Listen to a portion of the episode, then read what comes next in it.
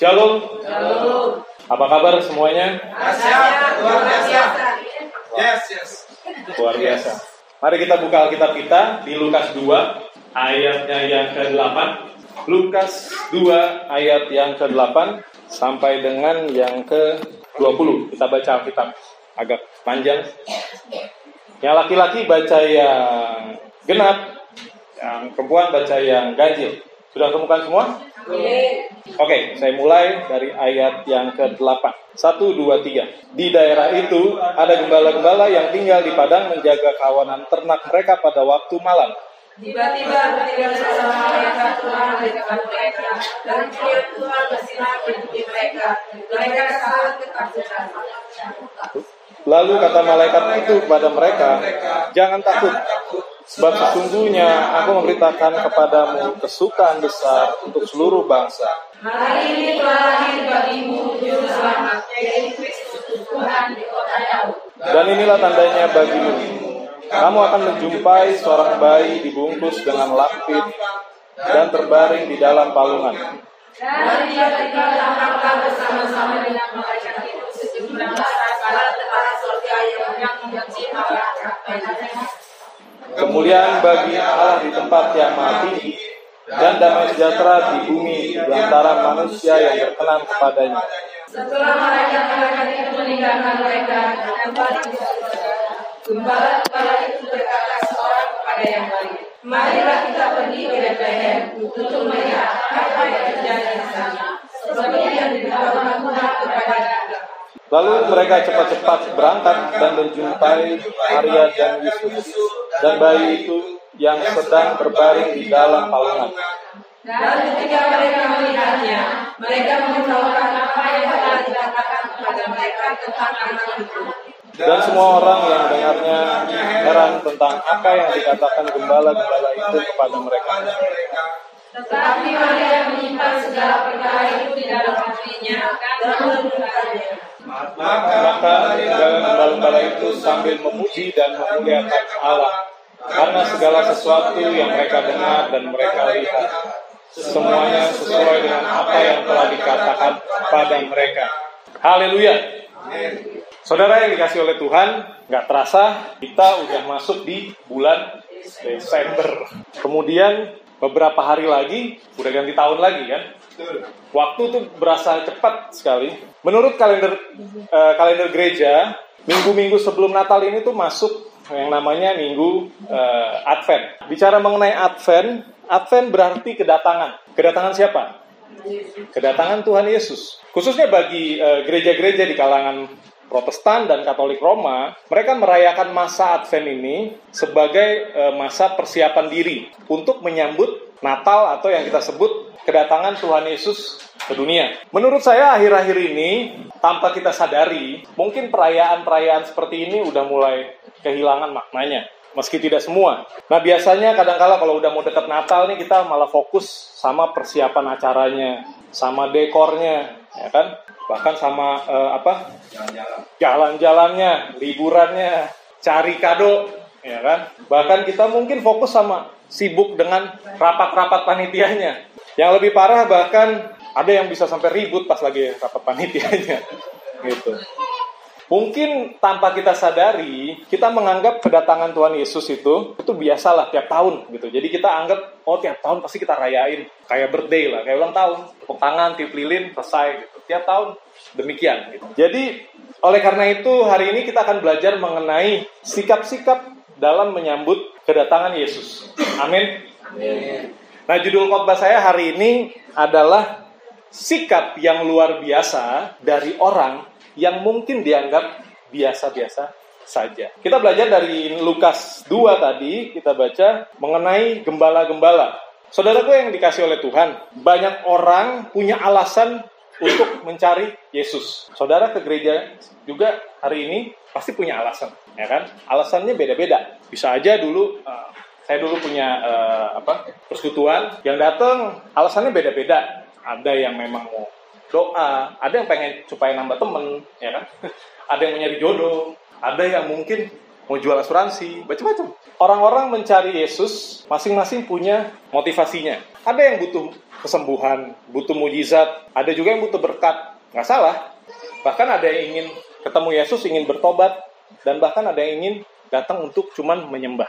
Contohnya, kita lihat, uh, pasti udah tahu, orang Majus datang mencari Yesus karena tanda. Mereka lihat ada bintang. Mereka orang Majus itu dibilang orang-orang yang memiliki ilmu pengetahuan pada zaman zaman itu.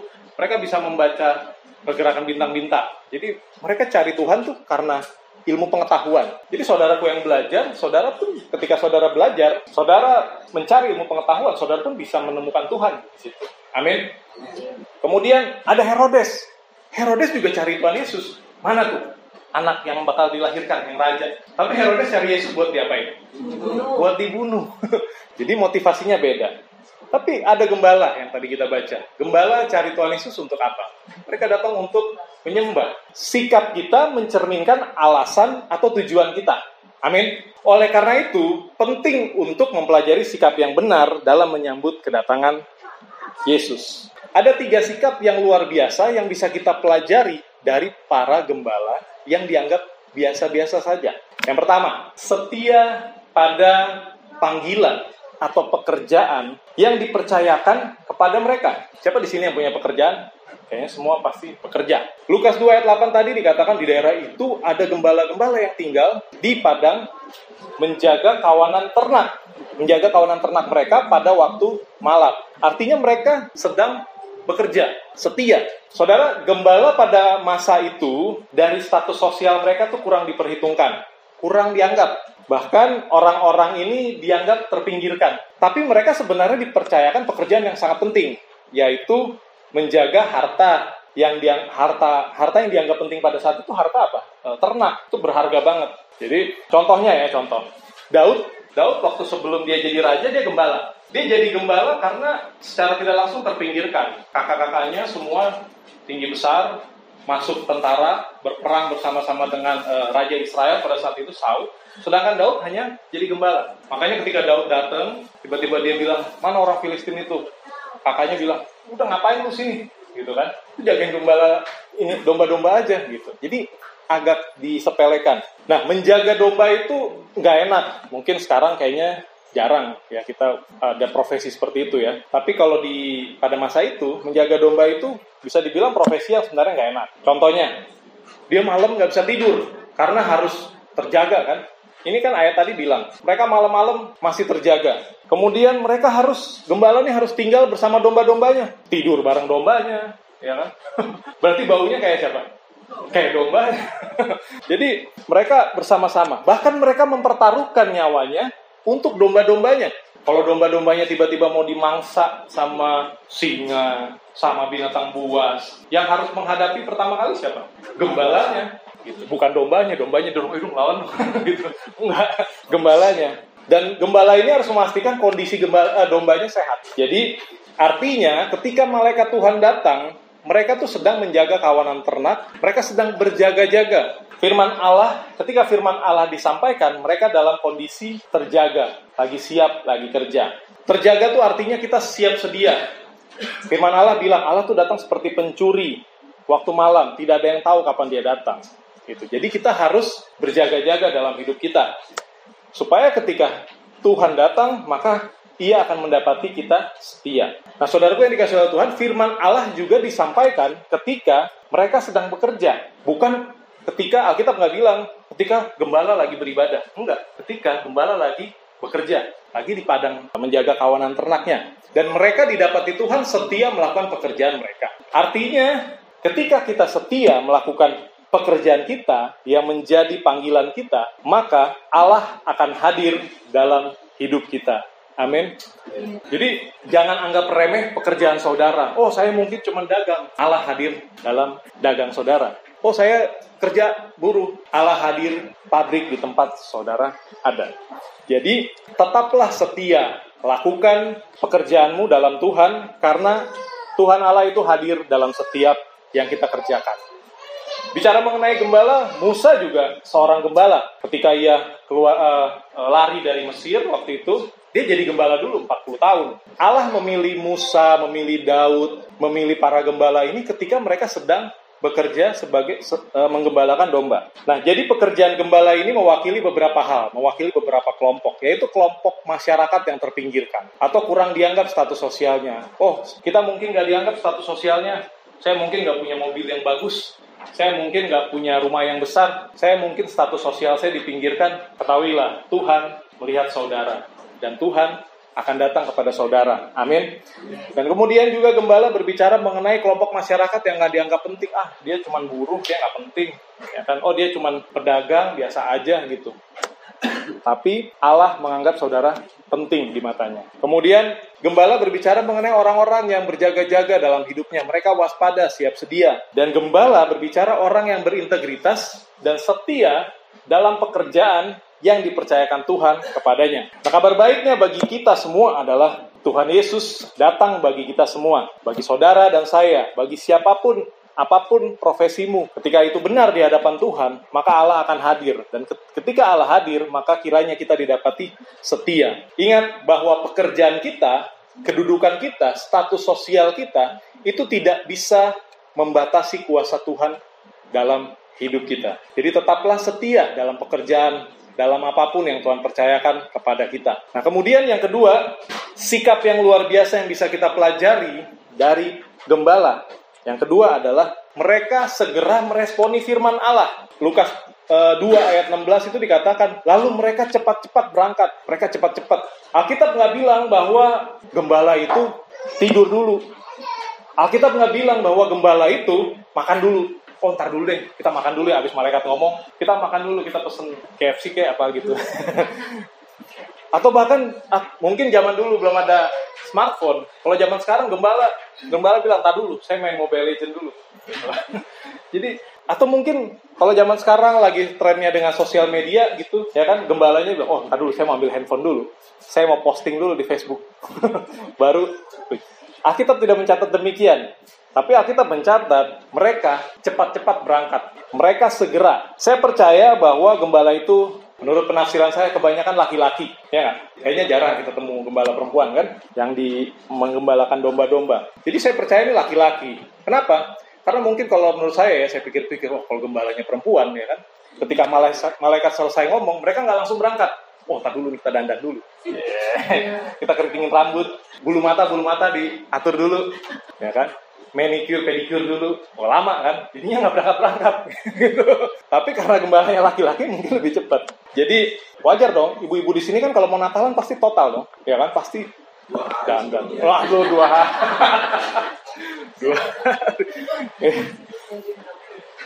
jadi Alkitab mencatat bahwa para gembala segera berangkat atau bergegas artinya mereka langsung meresponi firman Tuhan ya kan? Jadi mereka langsung pergi, nggak pakai ditimbang-timbang, nggak pakai dipikir-pikir. E, segera nih artinya mereka mengatasi segala rintangan yang merintangi yang merintangi mereka untuk dapat ketemu Tuhan. Rintangan itu macam-macam ya. Gembala ini kan bisa dibilang mungkin pada saat itu miskin. Berarti rintangannya apa? Wah, saya nggak punya ongkos. Tapi mereka nggak pikirin itu, mereka mengatasi, mereka jalan aja. Mungkin rintangan itu bisa jadi, oh gembalanya merasa, oh kita ini hidup kekurangan, kita mau ketemu Tuhan Yesus susah. Mereka jalan aja, mereka atasi rintangan. Atau mungkin rintangan itu pekerjaannya, oh ini domba-domba gimana nih? Siapa yang jagain? Oh mereka mungkin kandangin dulu, titipin dulu ke orang lain, ya kan? Jadi rintangan itu mereka atasi. Ya mereka nggak punya alasan, ya kan? Jadi mereka segera bergegas. Gembala-gembalanya orang Yahudi, jadi cepet. Biasa kan kalau orang Yahudi dari zaman Musa itu kan ikut Musa kan keluar dari Mesir ikut tiba-tiba tiang awan berhenti berhenti di sini kita bikin kemah berhenti. Baru mau tidur tidur tiba-tiba mungkin tiangnya udah jalan lagi Musa bilang jalan jalan lagi. Jadi emang biasa gitu. Gembala-gembala ini adalah mereka punya sikap yang segera meresponi firman Tuhan. Nah, pertanyaannya buat saudara dan saya adalah Apakah yang akan kita lakukan setelah kita mendengar firman Allah? Apakah kita langsung merespon? Amin? Ah, yang benar. Saya tes ya. Boleh? Misalnya saya bilang, oh firman Tuhan berkata, kita harus ramah satu dengan yang lain. Ayo coba respon. Silakan ramah satu dengan yang lain. Gitu kan? Oh bisa, hebat. Pak Yakub di sini hebat jemaatnya, Pak. Oke, saya tes lagi ya. Wah, kita bilang bahwa kita harus memberkati satu dengan yang lain. Oh, bisa nih ya. Oh, berkati, Tuhan berkati. Oh. Ini lolos tes, Pak. Hebat, Pak. Kayaknya saya nggak perlu khotbah lagi. oh, sekarang saya pakai ayat. Efesus 5 ayat 24 berkata agar istri tunduk kepada suami dalam segala sesuatu. Ayo, coba dites. Istrinya langsung. Tunduk. tunduk. Alkitab. Mulai berat kan? Dibalik dong, jangan cuma istri aja. Efesus 5:25 berkata, Suami kasihlah istrimu seperti Kristus mengasihi jemaat. Ayo suami-suami. Kebetulan Bu langsung minta belanja. gitu. Mulai berat. Sekarang firman Allah bilang, mengampunilah orang yang bersalah kepadamu. Uh, makin berat. Hmm, iya ngampunin. Tapi kalau Tuhan tahu apa yang dia buat sama saya, uh, sedih. Susah. Saya mau lihat mukanya aja udah nggak tahan. makin berat. Tapi apa tadi?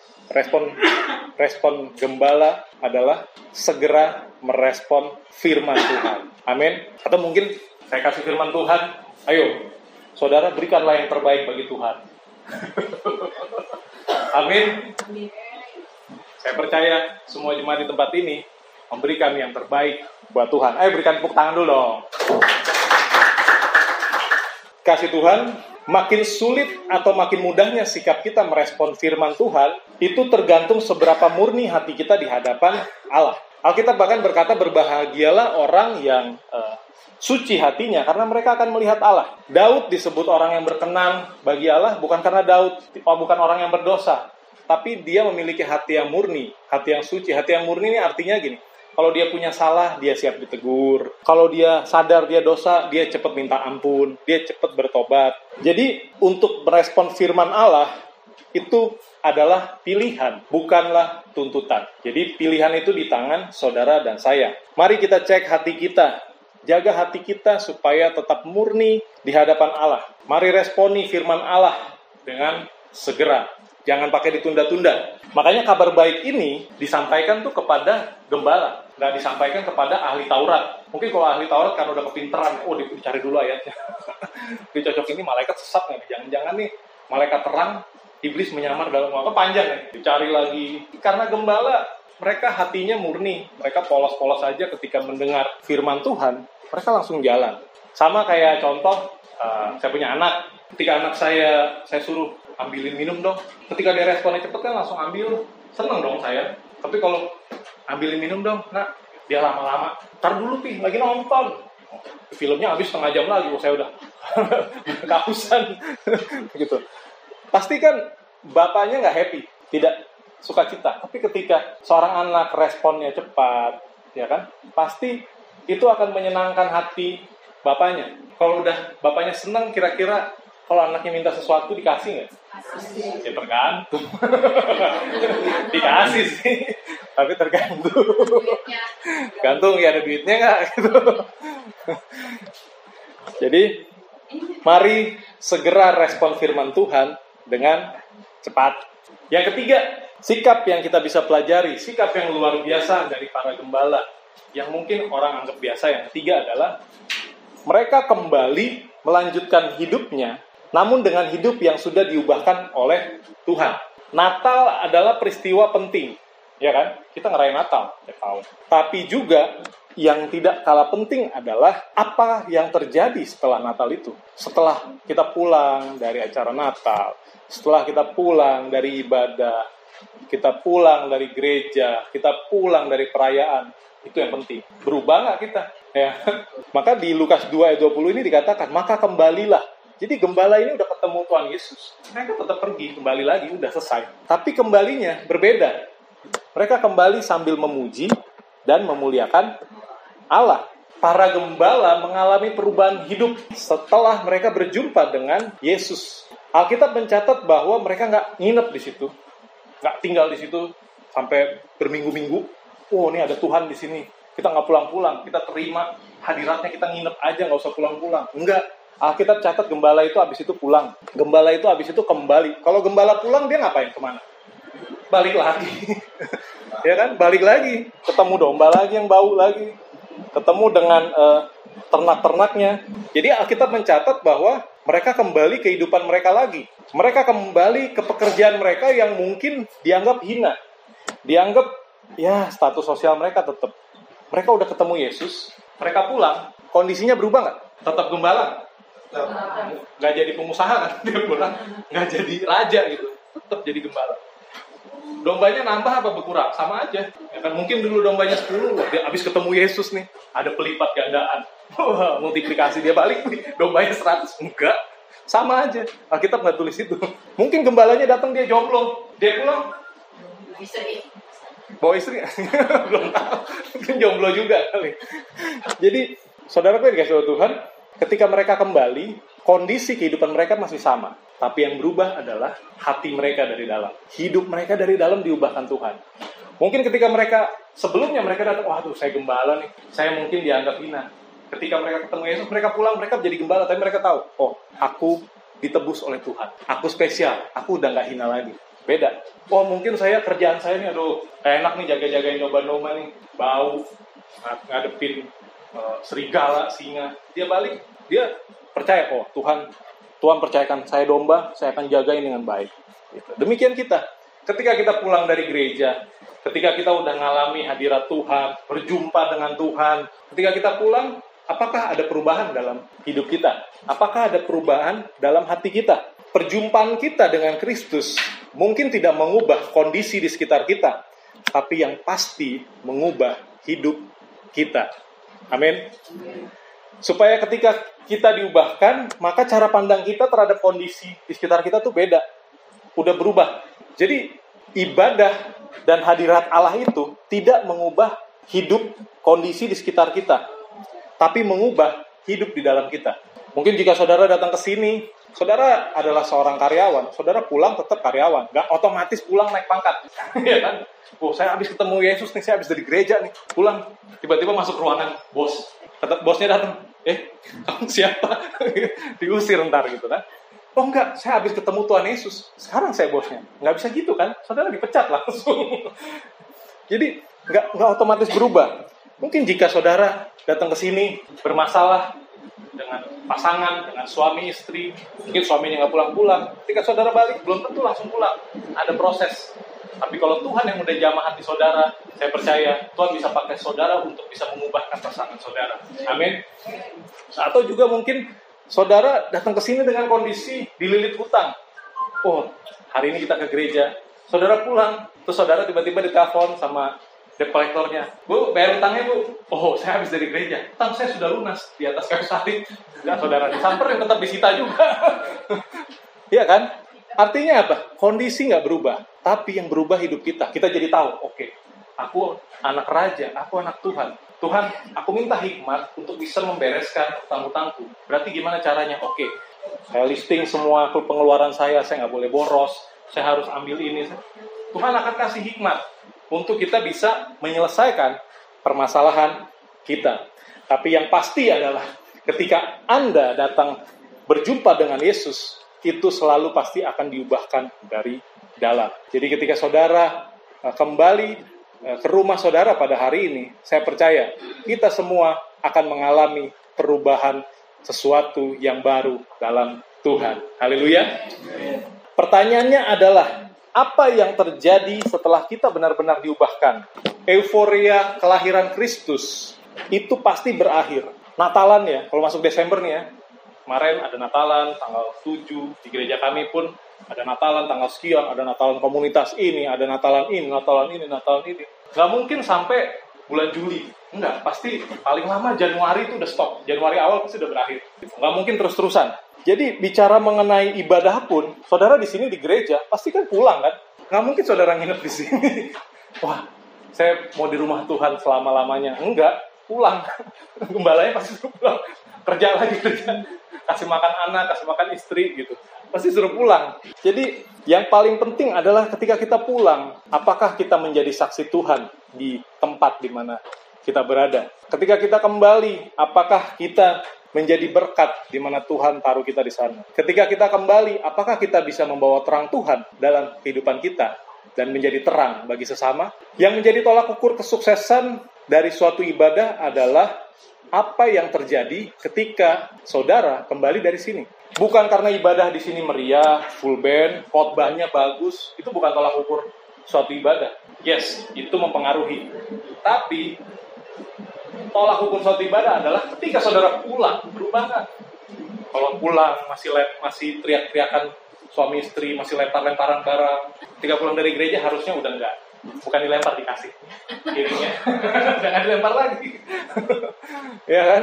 Udah nggak ribut lagi. Udah akur. Nggak mengampuni. Datang ke gereja ketika pulang dari sini, dari ibadah, pulang harusnya mengampuni. Saudaraku dikasih oleh Tuhan, bicara mengenai sikap yang luar biasa, artinya sikap yang dituntun oleh Roh Kudus. Jadi ketika saudara datang ke satu gereja, satu ibadah, saya percaya ketika saudara buka hati, maka Roh Kudus itu akan menjamah saudara. Saudara mungkin ngerasa nggak bisa berubah, tapi Roh Kudus itu yang bisa rubah saudara. Mungkin yang dulunya suka gosip, sekarang jadi suka nginjil ketika pulang. Oh, mulutnya dipakai buat mewartakan kebenaran Tuhan. Ya, berubah. Mungkin yang dulunya suka fitnah, oh sekarang jadi dipakai buat bernubuat. Diubahkan kan? Mungkin yang dulunya suka pukul orang, suka pukul istri, oh sekarang tangannya dipakai buat berkati orang. Berubah. Mungkin yang matanya dulu suka jelalatan kalau lihat perempuan cantik, oh. Nah itu susah tuh kayaknya. Enggak. Matanya sekarang dipakai untuk melihat kemuliaan Tuhan, untuk baca Alkitab. Mungkin yang kakinya dipakai dulu suka jalan-jalan ke panti pijat, ya kan? Tempat-tempat yang nggak penting. Sekarang kakinya ke gereja belok beribadah. Amin. Jadi mari kembali dari tempat ini kita berubah. Sikap kita menyambut kedatangan Tuhan itu penting. Kedatangan Tuhan itu penting, tapi sikap kita menyambut kedatangan Tuhan itu penting dan sikap kita setelah kita bertemu dengan Tuhan, setelah mengalami Tuhan itu penting. Saya undang pemain musik. Mari kita berdoa